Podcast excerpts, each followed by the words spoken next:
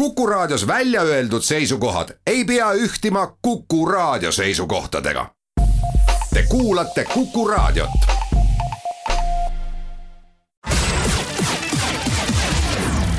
nädala Tegija. nädala Tegija astub hääletusammuga RM stuudio põrandal. tere päevast, Nädala Tegija alustab. sellel nädalal räägime energeetikast ja põhjus hästi lihtne, ajalehtedes, eilsetes ajalehtedes kirjutati, et Eesti Energia ootab riigilt tuge, ootab riiki appi ja mis siin pikalt ironiseerida või asjade üle arutleda, tuleb haarata härjal sarvist ja nii ma olengi saatesse kutsunud peasüüdlase jutumärkides Eesti Energia juhatuse esimees Hanno Sutter, tere! tere! no see eilne ajalehe pealkiri oli suhteliselt ehmatav, ma ei tea, kas see mõjus teile ka kuidagi ehmatavalt? Noh, mulle on selgeks tehtud ajakirjanike poolt, ma ise ju ei ole õppinud kunagi ja ei pea ennast väga suureks spetsialistiks, et et sisu loovad ajakirjanikud ja pealkirja paneb toimetaja ja pealkiri peab müüma, et noh, ilmselgelt see pealkiri oli, oli selles mõttes ajakirjanduslikult professionaalne, et ta tähelepanu tõmbas, aga kindlasti noh, ütleme, et kui sisu vaadata, siis sisu oli ilmselt selgitav ja arutlev, aga pealkiri oli intrigeeriv, et, et eks see on vist ajakirjanduste professionaalne pool, et, et selge, et kui sisuga läbi lugeda, siis on, võib-olla annab tervikpildi. no võib-olla enne, kui me lähemegi selle konkreetse tuulepargi juurde, Liivi tuulepargist on siis juttu, räägime natuke suurest pildist. tegelikult teie olete Eesti Energia juhatuse esimees ja noh, justkui vastutate Eesti Energia hea käigu eest, aga teiselt poolt Eesti Energia on ma julgen küll öelda, et aastakümneid olnud Eestis asutus või ettevõte, mis tegelikult on valutanud alati südant ka suurema pildi eest, et, et kuidas Eestis toimub energia tootmine, kuidas tarbijatele tagada valutu energia olemasolu, kuidas seis antud hetkel on, et, et kas Eesti vajab uusi energiavõimsusi, vajab uusi, kuidas ma siis ütlen, energiakandjaid, miks ma küsin, on see, et Eleringi juht Taavi Veskimägi istub viimased aastad suhteliselt enesekindlalt ja ütleb, et küll need energiakandjad tulevad, et turg hoolitseb kõige eest jah, siin, siin võib-olla peab nagu alguseks rääkima sellest, et, et energeetikas on käimas ju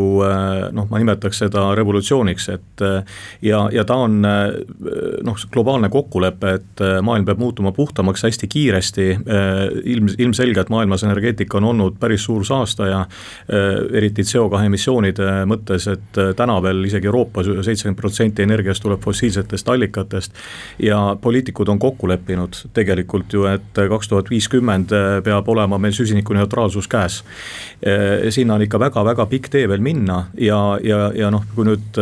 minusugused inseneritaustaga inimesed hakkavad siis nagu näppude peal arvutama, et meil on kolmkümmend aastat minna, mis siis vahepeal juhtuma peaks, et no me jõuame üsna kiiresti sinna välja, et tegelikult ka tegudes juba täna peab midagi revolutsioonilist toimuma, et kui meil ainult retooriliseks jutt jääb, et siis ju tegelikult see ei ole teostatav, et kui me ikka päriselt tahame ka seda teha, siis peab täna, täna hakkama tegutsema ja kiiresti. ja nüüd vähemalt Eesti Energias, kus on, ma usun, energeetika valdkonnast ikkagi arvestatav hulk Eesti tipptegijaid töötab, et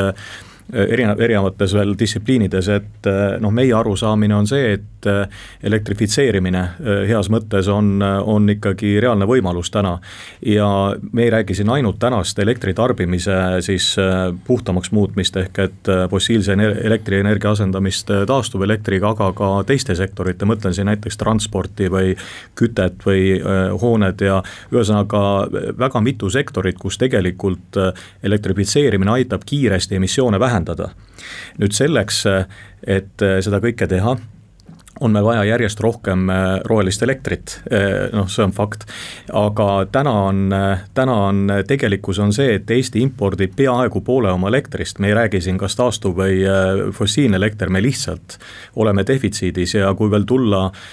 siia, et kogu regioon, mõtlen siin Eesti, Läti, Leedu, Soome, tegelikult ka Rootsi järjest rohkem, kogu regioon on väga impordisõltlane, et, et ütleme, et elektri tarbimine suureneb, roheelektri nõudlus kasvab, aga tegelikult juba täna kõik, terve piirkond on defitsiidis. et, et kuskilt peab see elekter tulema, ta peab tulema ja, ja noh, selgelt on välja öeldud, kolmekümne aasta pärast me enam fossiilseid allikaid ei, ei tolereeri. nii et kui seda pilti nagu kokku vaadata ja arvestada, kui pikalt sellised suured projektid aega võtavad, siis noh, täna on ülim aeg startida. no muidu seda lihtsalt tehtud ei saa ja kogu see kaks tuhat viiskümmend visioon jääb retooriliseks kui nüüd selle suurema pildi juures tulla natukene allapoole, siis see Liivi merepark, et mina hästi lihtsalt, kui ma eile uudist lugesin ja hakkasin mõtlema, siis mul tekkis üldse esimene küsimus, et iseenesest kellele meri kuulub, et mismoodi üldse leitakse või otsustatakse, et kes kuskil arendada tohib? jah, see on, see on kindlasti, kindlasti hästi hea küsimus ja, ja, ja, ja, ja ma arvan, et et et eh, noh, seda ei olegi päris lõpuni selgeks mõeldud, et eh, meil on eeskuju võtta nendest riikidest, kus sellega on tegeletud, näiteks Taanis eh, on ju kakskümmend aastat juba tegelikult avamere tuulega tegeletud ja, ja, ja noh, järjest rohkem ka siin näiteks Saksamaal, Hollandis ja mitmel pool seda on, et sealt võiks nagu tegelikult eeskuju võtta. aga noh, päeva lõpuks noh, ega siin selles mõttes nagu maaga väga suurt vahet ei ole, et, et et eh, seal peab olema nagu selge reeglistik. Eh, noh, need reeglid on eh, nii-öelda administratiivsed, kindlasti keskkonnaga seotud, kaitse aspekt ja, ja nii edasi ja, ja, ja siis ta peab olema nagu, võiks olla vähemalt hästi-hästi läbipaistev see protsess, eks ole, et. et kui me siin räägime näiteks sellest, et noh, seal Pärnumaal, kus siis see Liivi laht paikneb, et see on Eesti siis ainukene mereala, kinnitatud mereala planeeringuga piirkond üldse. kus siis meie Liivi projekt paikneb ja, ja see ala, kus me siis oma tuuleparki arendame, on ette nähtud avamere tuuleprojektide jaoks. Meie oleme seda ala taotlenud alates aastast kaks tuhat kümme, kaks tuhat üheksateist meil ka anti valitsuse otsusega siis hoonestusloa protsessi algatamiseks nii-öelda nõusolek sinna. ja täna noh, oleme keskkonna äh, mõjude hindamise protsessis. ehk ja see ongi hästi-hästi pikk protsess, tegelikult on olnud kõik äh, nii-öelda avalik ja avatud protsess, jälgitav äh, ja, ja meie keskkonnamõjude hindamise programm on keskkonnaministeeriumi poolt kinnitatud, see on ka väga-väga palju ju aspekte, mis tuleb seal läbi uurida. ja noh, väga oluline, et kõiki osapooli kaasatakse selles, eks ole, et kõik saavad oma arvamused öelda ja selle läbiviija on siis sõltumatu professionaalne, leitud ka hankega muideks. küsin veel seda, et mõni konkurent mingil hetkel ei saa tulla jutuga, et no Eesti Energia seal arendab, aga et ma ka tahaks vot sellest konkurentsist eh, peab nüüd rääkima eh, elektri, eriti eh, avamere tuule tootmise natukene laiemas perspektiivis, sellepärast et kui vahest jääb mulje, et me siin üks koma kolm miljonit eestlast konkureerime omavahel, siis noh, tegelikult kindlasti see nii ei ole ja me peame vaatama, elektriturg on ikkagi Euroopas väga-väga palju integreeritud, võiks isegi rohkem olla, aga aga noh, kui näiteks Põhja-Saksamaal on palju tuult, see annab Eesti elektrihindadest täna tunda ja, ja, ja selles mõttes äh, me konkureerime ikkagi äh, teiste elektritootjatega kogu regioonis. ja, ja kust see elekter nüüd tuleb, kas ta tuleb avamere tuulepargist parajasti või ta tuleb äh, kuskilt tuumajaamast Soomes näiteks või ta tuleb päikeseparkidest ka Eestis, noh, ütleme praegu päikesepaistelistel päevadel suur osa Eesti elektrist tuleb muideks juba päikeseparkidest. ehk äh, konkurents on nagu äh, sedalaadi ja, ja nüüd, kui äh, keegi tahaks veel avamere tuuleparke teha peale Eesti Energia, neid võimalusi on kindlasti päris palju ja, ja, ja see on okei okay,, et ei pea Eesti Energia ainult tegema. aga, aga nüüd, kui, kui võtta sedapidi, et kui me räägime kahest miljardist investeeringust ja me mõtleme, et noh, et, et, et noh, meil on, meil on noh, kümme investorid ukse taga Eestis, kes tahavad Eestisse kaks miljardit äh, energeetilisse projekti äh, investeerida, see nii kindlasti ei ole, meil tuleb siiski tegeleda investeeringute meelitamisega ja seda heas koostöös erinevate osapooltega, et et see on väga-väga suur raha ja, ja, ja noh, seda ei saa nii võtta, et meil on järjekord ukse taga, kes tahavad siia tulla. siinkohal kuulame korra reklaami, juttu energeetikast ja elektrist, jätkame Hando Sutteriga pärast reklaami kuulamist nädala Tegija. nädala Tegija astub hääletusammuga RM stuudio põrandal. nädala Tegija jätkab Eesti Energia juhatuse esimees Ando Sutter täna mul külas ja põhjus väga lihtne, Eesti Energia tahab arendada suurt meretuuleparki ja sellest on tekkinud ka küsimus, kuidas üldse meretuuleparki riik peaks aitama toetada, kuidas kogu seda probleemistikku käsitleda, kuidas sellele läheneda ja tundub, et ettevõte on võib-olla olnud natukene kiirem, kui riik oma protsessides on ette valmistanud räägime nüüd sellest konkreetsest Liivi pargist selles suhtes, et me saime aru, et maa on Eesti Energiale tegelikult juba valitsuse otsustega piltlikult öeldes arendamiseks antud. Kümme aastat on seda asja tehtud, kui kaugele te tänasel hetkel olete jõudnud, et noh, te olete väga suure kaasinvestori leidnud maailma mõistes noh, absoluutse tipptegija, kui nii võib öelda, aga millised toimingud on tehtud, kui palju noh, finantse on juba sinna läinud ja, ja mis, mis protsessis te ise olete ja millal ühel hetkel võib juhtuda, et see projekt, kui nüüd kõik asjad laabuvad, et, et sealt üldse elektrit tuleb, sest ma arvan, raadiokuulajal nagu huvitav aru saada, kui pika vinnaga kogu see toimimine on tegelikult? eh, noh tõepoolest, et et selliste, selliste projektide ettevalmistuse tsükkel on äärmiselt pikk. ja, ja kui nüüd võtta, et äh, seda, seda konkreetset Liivi projekti, et kaks tuhat kümme on, on selle projektiga alustatud äh, ja täna me oleme siis nii-öelda keskkonnamõjude hindamise programm on kinnitatud ja, ja teostame seda ja me oleme välja öelnud, et äh, noh, kui eestlased hakkaks head koostööd tegema ja tähteises oleks hea, natuke õnne ka oleks, et siis kuskil kaks tuhat kakskümmend kaheksa võiks sealt elekter tulla. noh, see on põhimõtteliselt üks inimpõlv, mis see projekti ettevalmistamine aega võtab ja, ja suurte projektidega nii ongi, et võib-olla noh, teatud ime korral seda aega võiksime kolmandiku võrra lühendada, aga mitte, mitte rohkem. ja mis siis tänaseks tehtud on tehtud on päris palju uuringuid, äh, noh näiteks linnustiku uuring on äh, selline, kus tuleb nagu täistsükleid vaadata, et linnud nagu äh, kevadel lendavad põhja, lõunast põhja ja ja siis sügisel jälle teistpidi, eks ole, ja seal siis tehaksegi füüsiliselt uuringuid, ornitoloogid, spetsialistid uurivad, kuidas need ränded täpselt käivad seal piirkonnas, vaadatakse, ehk siis ühesõnaga, see on nagu alginformatsioon selleks, et neid tuulikuid planeerida, et nad loodusega võimalikult hästi siis kokku puutuks, tuuleuuringud, noh, kütus on tuul, seda on vaja uurida, selleks on vaja head äh, andmestikku, neid on tehtud äh, ja veel mitmeid uuringuid, mida on, mida on juba läbi viidud, et üleüldse seal see koht niimoodi suures pildis nagu ära kujundada, et mis seal võiks teha ja kuidas. et äh, ja, ja kui siis, kui siis võtta nüüd seda, et mis siis nagu nüüd edasi peaks toimuma, et jah, see keskkonnamõjude hindamine, see võiks võtta mingi paar aastat, see on nüüd selline noh, nagu põhjalikum keskkonnauuring, uuring ja siis peaks hakkama äh, merepõhja äh, geoloogilised uuringud, et äh, noh, see vundament tuleb merepõhja, aga selleks on väga täpselt teada, kuidas seda teha ja, ja, ja noh, taanlased naljatavad, teil on siin siseveekogu, et Liivi laht nende vaates ju kaardi peal vaadata on natuke nagu siseveekogu, et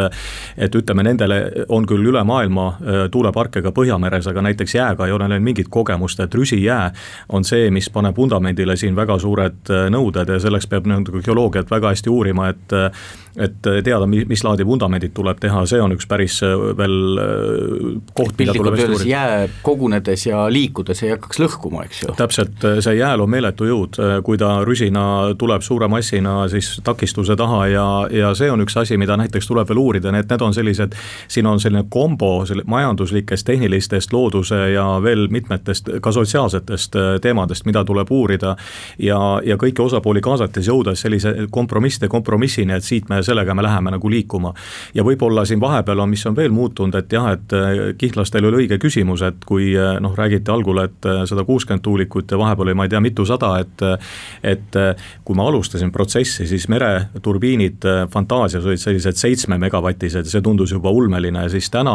noh, ütleme, et alla viieteist megavati keegi nagu ei, ei, ei planeeri, aga see tähendab seda, et sama võimsus saadakse oluliselt väiksema arvu turbiinidega, mis on jällegi hea uudis, eks ole. et, et noh, see, see maailm vahepeal kõik muutub, nii et see dimensioon tuleb ka veel sisse tuua ja see ongi kogu sellise projekti ettevalmistu-, valmistamise nagu võlu ja valu, et, et see kõik, kõik asi tuleb siis ühel hetkel kokku vedada, teha investeerimisotsus. no teie ettevõttena olete tegelikult päris kogenud ka nende noh, kuidas ma ütlen, vastastega suhtlemisel, et, et midagi ei ole teha,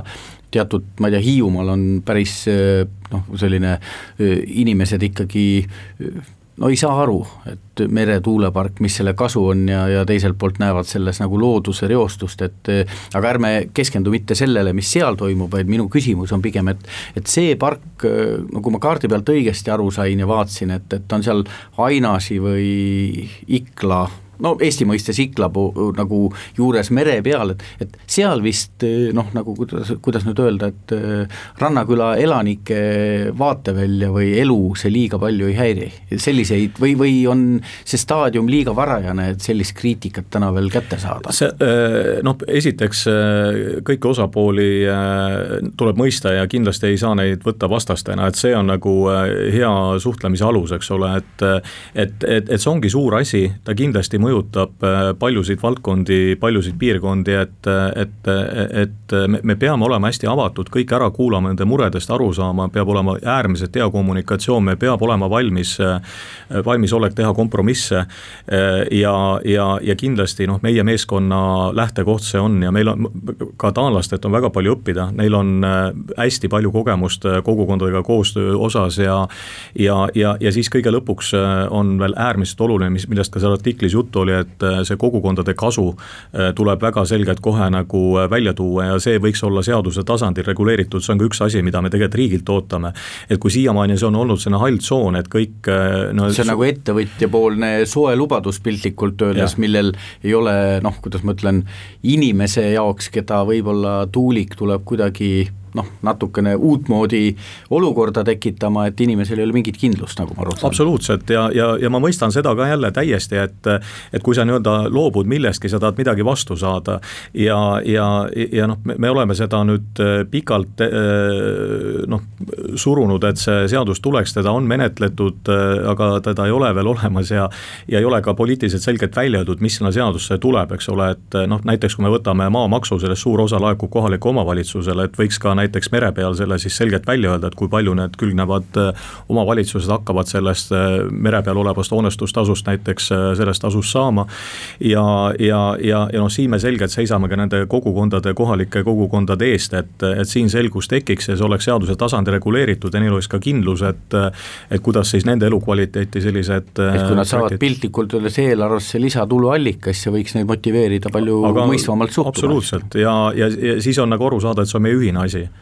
siinkohal kuulame reklaami ja uudiseid Ando Sutteriga, jätkame pärast seda ja jätkame just selle kohalikega või kohalike kaasamise ja selle teemaga, et kuidas inimesi veel paremini motiveerida mõistmaks. nädala Tegija. nädala Tegija astub hääletusammuga RM stuudio põrandal. nädala Tegija jätkab, täna räägime Eesti Energia juhatuse esimehe Hando Sutteriga, mina olen Meelis Atonen, meil jäi esimene esimese saate pooltunni lõpus rääkisime kohalikest äh, kogukondadest ja noh, nende õigusest äh, protesteerida või siis ka nõus olla ja, ja, ja oma argumente välja käia ja ja te ütlesite, et äh, noh, et inimestel on täielik õigus noh, enda eest seista ja ennast kaitsta, aga teiselt poolt Eesti Energia noh, kindlasti Eestis äh, täna nagu selle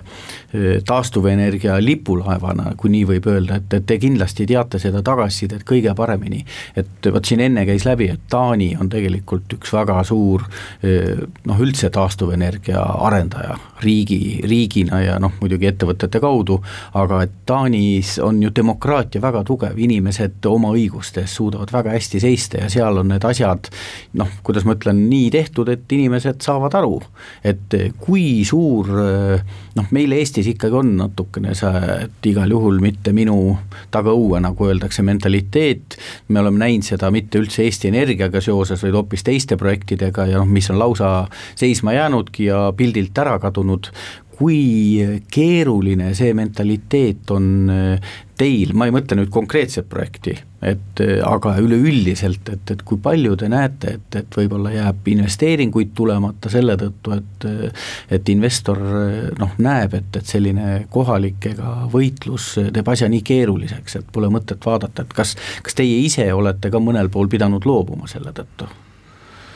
No jaa, ma arvan, et, et see kogukondade aktiivsus äh, on äh, ajas ikka väga kiiresti kasvanud, aga, aga äh, ma kindlasti ei taha öelda, et see on halb, see on pigem hea ja näitab, et ühiskond tervikuna areneb, et et, et, et see, et, et inimesed aktiivselt osalevad suurte otsuste tegemisel, seda ma pean pigem heaks, see näitabki, et ühiskond saab küpsemaks. ja, ja kui nüüd Taani kogemusest rääkida, et noh, meil on kindlasti võimalik õppida head kommunikatsiooni ja lihtsat ja selget kommunikatsiooni taanlastelt, et, et lihtsas keeles selgitada ära kõigepealt, miks energeetikas muutused toimuvad ja, ja miks nad peavad toimuma ja miks see on igale ühele ühiskonnas oluline ja, ja, ja noh, kui me võtame sedasama Tongi, kes tänaseks on Ørsted ja nende taustad on noh, nagu teatud mõttes selline väga-väga võrreldav Eesti olukorrale, et Taani sai ka ju suure osa oma energiast ja ka tuludest, riikliku energiaettevõte sai gaasist ja naftast, eks ole, et ja tänaseks on ta maailma juhtiv tuuleenergiaettevõte, et ja kogu see transformatsioon on olnud ühiskonnas läbi räägitud, aga poliitiliselt väga hästi selgelt kommunikeeritud. ja kui me nüüd sealt tuleme edasi ja võtame siis selle, et noh, näiteks noh, need inimeste ootused ka regulatsioonidega väga täpselt nagu äh, paika panna ennetavalt, mitte järgi lohiseda, öeldagi, et vot, et kui me hakkame merel midagi tegema, siis neid õigusi jagatakse nii ja kohalikud kogukonnad kasu saavad naa, eks ole, et, et see oleks nagu ette selgelt nagu paika pandud, et see ühel hetkel tuleb kokku leppida niikuinii see tuleb selgelt välja öelda, et, et minu arust see võtaks neid pingeid nagu oluliselt maha. ja, ja, ja, ja võib-olla noh, see tundub võib-olla lihtne, aga seal see edu võti ongi. selle konkreetse tuulepargi juures eh, ei toimu ju ainult eh, kuidas ma ütlen, koostöö siin Eesti sees, vaid see on natukene rahvusvahelisem, eh, investor on väljapoolt, aga, aga kaasatud on ka Läti jaa, et kui nüüd kaardi pealt vaadata seda ala, siis äh, lõunast äh, ta piirneb Eesti Vabariigi piiriga. ja teisel pool seda piiri on siis äh, head naabrid lätlased ja juhtumisi on teisel pool piiri siis ka Läti näinud oma mereala planeeringus ette ala siis tuuleenergia arendamiseks.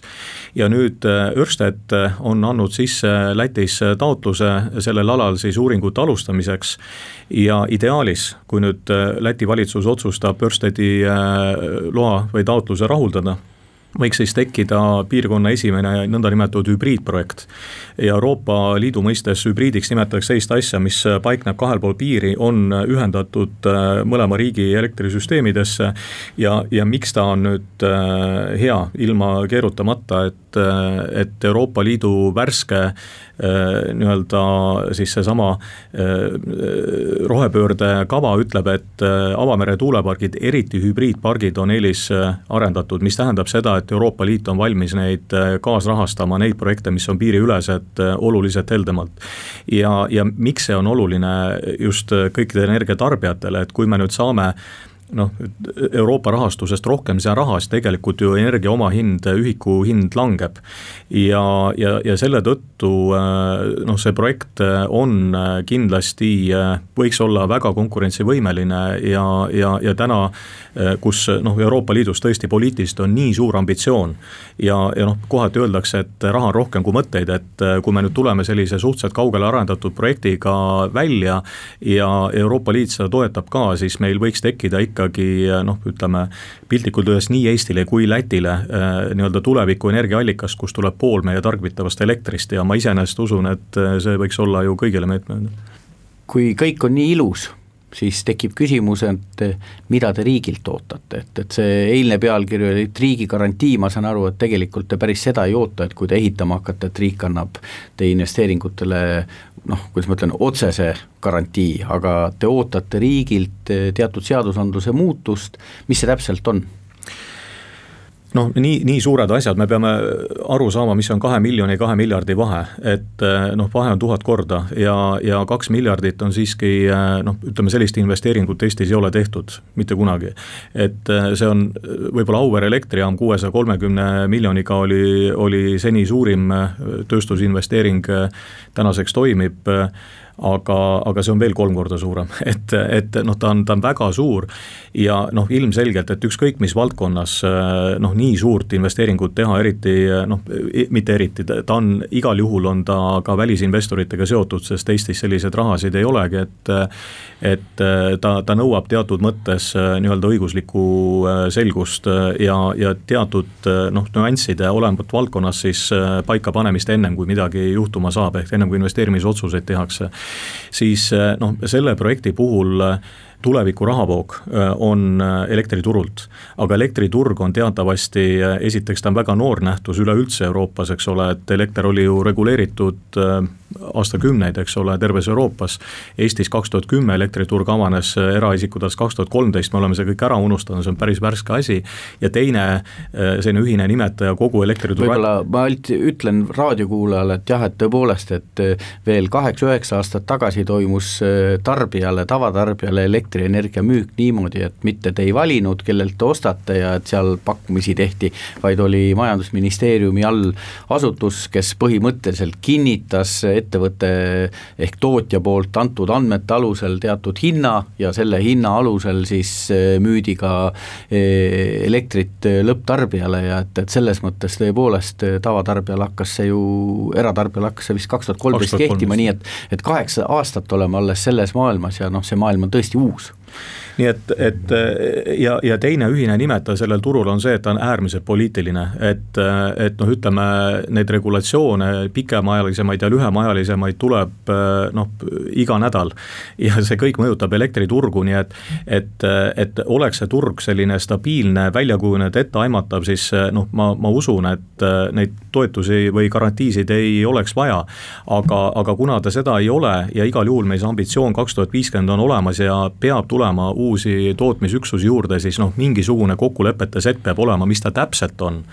noh, seda, seda kindlasti saab arutada ja mõelda ja siin on erinevaid lahendusi võimalik, võimalik teha. ja, ja ma tahan ühte asja veel rõhutada, et Eesti Energia ei taha saada mingit Eesti Energia kokkulepet, vaid tegelikult noh, suvaline investor suvalisse suurde energiatootmise projekti tegelikult vajab täpselt neid samu asju. ja, ja ma olen ka öelnud seda, et siin võiks teha tehnoloogia neutraalset, olgu see siis, ma ei tea, päikeseelektrijaam, maismaa tuulepark, avamere tuulepark, tuumaelektrijaam, kõik, mis sinna kvalifitseeruvad, viivad meid sinna sinna kahe tuhande viiekümnenda eesmärgi poole, et nad kõik võiksid seal kvalifitseeruda ja kui mõni tehnoloogia rebib eest ära, et ma ei tea, see väike moodul, tuumareaktor on, on nii konkurentsivõimeline, et noh, tuule- ja päikeseenergiat pole vaja, noh siis, siis nii on, aga, aga selleks peab olema teatud raamistik siiski paigas, sest iga investor vajab seda tulevikukindlust. siinkohal kuulame korraks reklaami, täna viimast korda, juttu Eesti Energia juhatuse esimehe Hando Sutteriga, jätkame pärast seda nädala Tegija. nädala Tegija astub hääletusammuga RM stuudio põrandal. nädala Tegija jätkab, täna saates külas Eesti Energia juht Hando Sutter, mina olen Meelis Atonen, räägime nagu ikka, kui Eesti Energia juht on saates, räägime energeetikast ja elektri tootmisest. majandusministeerium on öelnud, et noh, nemad nagu, kuidas ma ütlen, uusi hinnalagesid väga vajalikuks ei pea. et ma saan aru, et seal ongi teil nagu omavahel päris suur selline noh, päris suured käärid, kui nii võib öelda, et, et eh, nemad ütlevad, et Elering valmistab mingeid asju ette, Elering on ka öelnud, et ta valmistab mingeid alasid ette ja et, et sealt teeb öö, eh, oma oksjonid ja et, et, et oksjonid tulevad edukad, noh, Eesti või vabandust, Elering on alati olnud hästi optimistlik, et, et energiat tuleb ja et, et küll turg asjad paika paneb, eh, no kui tõenäoline see tundub, kui vaadata ühe turuosalise poolelt no võib-olla üleüldse, kui hakata sealt nagu pihta, et äh, kui investor noh, jällegi suvalises valdkonnas suvaline investor äh, tahab teha investeeringut ja ütleb, et äh, regulatiivne raamistik ei ole selleks hetkeks paigas, on see halb. et tegelikult regulatsioonid selleks, et investeeringuid tuleks ja oleks, peaks olema nagu ette olemas ja peaks natuke ajast ees käima, et et, et see olukord on juba iseenesest halb ja noh, selles olukorras, kui keegi tahab investeerida ja noh, tõesti, meil on siin kaasas nagu maailma tipptegijad, ja kes on nagu paberi peal väljendanud oma valmisolekut tulla ja siin tegusid teha.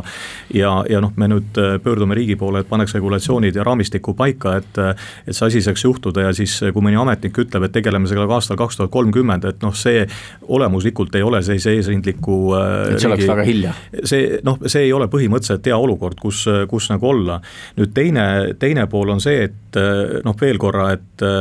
et iseenesest e-, energia peab millestki tulema. ja kui Euroopa Liidus, nagu ma ütlesin, seitsekümmend protsenti täna tuleb veel fossiilsetest allikatest ja me tahame jõuda välja äh, kaks tuhat viiskümmend süsinikuneutraalsuseks, et noh, näiteks vesinik ei ole energiaallikas, ta on energiakandja. ja, ja kui me räägime rohevesinikust, millest ju tänapäeval ka hästi palju räägitakse, siis sinna läheb hästi-hästi palju rohelist elektrit tarvis, et seda vesinikku toota. aga, ja, ja ütleme näiteks seesama Liivi lahe projekt sobiks suurepäraselt selleks, aga, aga äh, me peame aru saama, et kuskilt see energia peab äh, tulema ja tuuleenergia kindlasti meie regioonis on väga suure potentsiaaliga ja, ja noh, kui me saame aru, et meil on homme seda vaja, siis on hilja. me peame ette mõtlema ja kui me täna need kokkulepped teeme, selle regulatsiooni paika saame, siis kaks tuhat kakskümmend kaheksa heal juhul võib sealt hakata elekter tulema, noh sinna on veel palju aastaid minna. aga me peame täna kõvasti vaeva nägema, toimetama, et kaks tuhat kakskümmend kaheksa juhtus, kui me siis hakkame mõtlema, siis ta tuleb sealt omakorda viie kuni kaheksa aasta pärast võib-olla räägime natuke muudest asjadest ka saate lõpus, et, et meil on siin viis-kuus minutit jäänud, jääb loota, et riigiga koostöös need küsimused, mida Eesti Energia on tõstnud, ma küll tänase saate põhjal ei oska kuidagi siin kuidagi mingiks enneolematuks nõudmiseks seda nimetada, et need küsimused saavad üheskoos ka vastused ja tekib selline raamistik, kus kõigil arendajatel on kindel, kindel tunne ja selge tunne, aga küsin, kuidas läheb Auvere elektrijaamal, et, et see on tegelikult ammu enne Hando Sutterit muidugi alguse saanud projekt, aga, aga me teame, et siin on mitu tagasilööki olnud asjade üleandmisel, aga ma ei küsi mitte selle nurga alt, et ma küsin pigem selle nurga alt, et kuidas on turgu seal toodetavale elektrile jaa, äh, Auvere, noh Auvere elektrijaam hästi lihtsalt öeldes on soojuselektrijaam, äh, ta on äh, kogu piirkonna kõige kaasaegsem soojuselektrijaam, sest ta ongi alles äsja valmis saanud ja, ja mis on väga oluline, et ta on juhitav elektritootmise võimsus. ja ma arvan, et see, milleks ta omal ajal ehitati, sellise baaskoormuse tootmiseks, see ilmselt tema tuleviku roll ei saa olema, ma arvan, et tema tuleviku roll saab olema siiski nii-öelda süsteemi stabiilsuse tagamine ja, ja ja selleks me näeme tal jätkuvalt väga head potentsiaali et ma lihtsalt ühe näitena toon, et me praegult testime Soome süsteemioperaatori Fingridiga siis automaatsagedusreservi teenuse pakkumist äh, Eestist Auvere elektrijaamast äh, Soome turule. ja need katsed on olnud väga edukad, nii et algoritm põhimõtteliselt äh, toetab Soome süsteemi sagedust siit Auvere elektrijaamast. ja me teame, et Eesti, Eesti plaanib ka Venemaa süsteemist ennast desünkroniseerida, eks ole, kaks tuhat kakskümmend viis ja täna noh, seda nõudlust veel siin Balti süsteemi operaatoritelt ei ole lauale pandud, infot, mida vaja on, aga me oleme kindlasti valmis pakkuma tulevikus just selleks, et meie sagedust hoida, meie tuled igal hetkel põlemas hoida, sealt äh, võimekust. ja, ja veel üks asi, et äh, kui arvatakse, et ta on seotud põlevkiviga, siis ta ammu enam ei ole. selle aasta lõpuks me juba suudame töötada režiimis, kus põlevkivi moodustab ainult kakskümmend protsenti kütustest ja, ja seal on siis äh, võimalik kasutada ja mida me täna ka kasutame, uute gaasi, mis on siis õlitööstuse jääk põhimõtteliselt, ta on nagu gaasivõimekus on päris suur ja ka biomassi, mis on siis puidujäätmed puidutööstustest ja, ja näiteks ehitusjäätmed, mida me kasutame seal ka juba päris palju. nii et noh, põlevkivi kui kütus on seal jäänud päris tahaplaanile. põlevkivi kui kütus ikkagi Eestis, kuidas ma nüüd ütlen, vaikselt vajub turult välja no jaa, aga see on ju nii kokku lepitud ja, ja äh, ma võin täna siin ka esimest korda kõva häälega välja öelda, et järgmisel nädalal on Eesti Energia nõukogu, loodame, et saame seal äh, siis Eesti Energia strateegia uuenduse kinnitatud ja Eesti Energia äh, ütleb kõva häälega välja, et aastaks kaks tuhat nelikümmend viis Eesti Energia on süsinikuneutraalne ja meil on ka selleks väga selge plaan, kuidas sinna jõuda, nii majanduslikult, jätkusuutlikult kui ka suuremaid sotsiaalseid probleeme tekitamata ja veelgi enam, me tahame olla tegelikult paljudele oma klientidele, partneritele siis selle, selle rohelise pöörde eestvedajaks, sest energeetikaga on ju kõik need pöörded seotud ja me tahame piisavalt pakkuda rohelist elektrit, aidata need muutused ära teha erinevates sektorites, nii et see on, see on meie plaan. Auvere juurest ühe teise objekti juurde, mis ei ole veel valmis, mida alles hakatakse ehitama ma ei teagi, mis, mis staadiumis see, uus õlitehas on, aga aga igal juhul on nii, et te tegelikult saite umbes aasta tagasi, kas oli märts kaks tuhat kakskümmend, siis oli küll eelmine valitsus, aga noh, valitsus on teatavasti Eestis ikkagi järjepidevad, saite loa sellega tegelema hakata, aga vahepeal on üks kohtuasi vist ma ei mäleta, mis see keskkonnaorganisatsioon täpselt oli, Fridays for Future äkki, aga äkki ütlen vale nime ka, et, et ühesõnaga mis, mis seisus see kohtuvaidlus on, et, et kas võib oodata, et varsti läheb ehituseks ja kas valitsused on ikka järjepidevad? Noh, jällegi, et kui võtta tänane energiamajanduse arengukava, noh, mis tõenäoliselt vajaks uuendamist, kuigi ta väga vana dokument ei ole, siis seal on ju selgelt öeldud, et energiamajanduse selline nurgakivi Eestis on see, et põlevkivi kasutamine liigub elektri tootmisest õli, õli tootmisse. kaasa arvatud Eesti Energia strateegias oli see sees, vähendada oluliselt põlevkivi kasutamist elektri tootmise, suunata ta õli tootmisse, kui palju vähem saastavam ja efektiivsem põlevkivi kasutus. ja noh, seda me oleme teinud teinud, me oleme neid kokkuleppeid täitnud, see, et vahepeal on maailm veel edasi arenenud, eh, me ütleme, et jah, jätkuvalt see õlitehas on majanduslikult eh, tasuv ka nendes ajaperspektiivides, millest me räägime, et eh, ja me oleme kõiki seadusi täites seda protsessi ette valmistanud, sinuga eelnenud väga pikk projekteerimine, keskkonnamõjude uurimine, lubade väljastamine ja nii edasi. Ja nüüd siis keskkonnanoored on tulnud ja seda ehitusluba siis Narva Jõesuu linnavalitsuse väljastatud ehitusluba vaidlustanud ja on saavutanud esmase õiguskaitse, see kõik vastab tõele, aga noh, see on jällegi meie õigussüsteem, meie Eesti riigi demokraatia ja, ja noh, me ootame tegelikult kohtuotsus, oli nüüd esialgne õiguskaitse, mis väljastati ja kohtuotsus esimesest tasemest peaks, esimesest äh, instantsist peaks tulema siis neljandal juunil juba, et siis me näeme, kuidas see asi läheb ja noh, ilmselgelt äh, õigussüsteemi me hindame Eestis, äh, täidame kõiki seadusi ja ma usun, et et asi saab selgeks. küsin lihtsalt, et eh, kui nüüd esimene instants mingi otsuse teeb, noh teoorias on võimalik teine ja kolmas tase ka Eestis, et et kas mingid eh, planeeritud tegevused võivad juba ka nagu kannatada saada selle tõttu, et või kas juba ehitus põhimõtteliselt käiks, kui ei oleks seda vaidlust? Noh, see, see, see, on jälle, et see ehitus on, on sellise projekti puhul noh, see, mis seal kohapeal on näha, see on üks osa sellest ehitusest, ta on see jäämäe veepealne tipp, et siin on väga palju detailprojekteerimist, noh, ütleme, meil on mingi neliteist kuni kuusteist partnerit üle maailma, kes teevad erinevaid toiminguid, et see, et seal kohapeal hakkab nii-öelda mingeid mullatöid hakatakse tegema, see on selle protsessi selline nähtav osa. aga sinna veel natukene aega, nii et meil on aega veel seda selgust luua aitäh, Ando Sutter, ma arvan, et äh, raadiokuulajatel Kukust oli kindlasti huvitav teada saada, milliste väljakutsete ees Eesti Energia seisab ja jõudu! aitäh! nädala Tegija.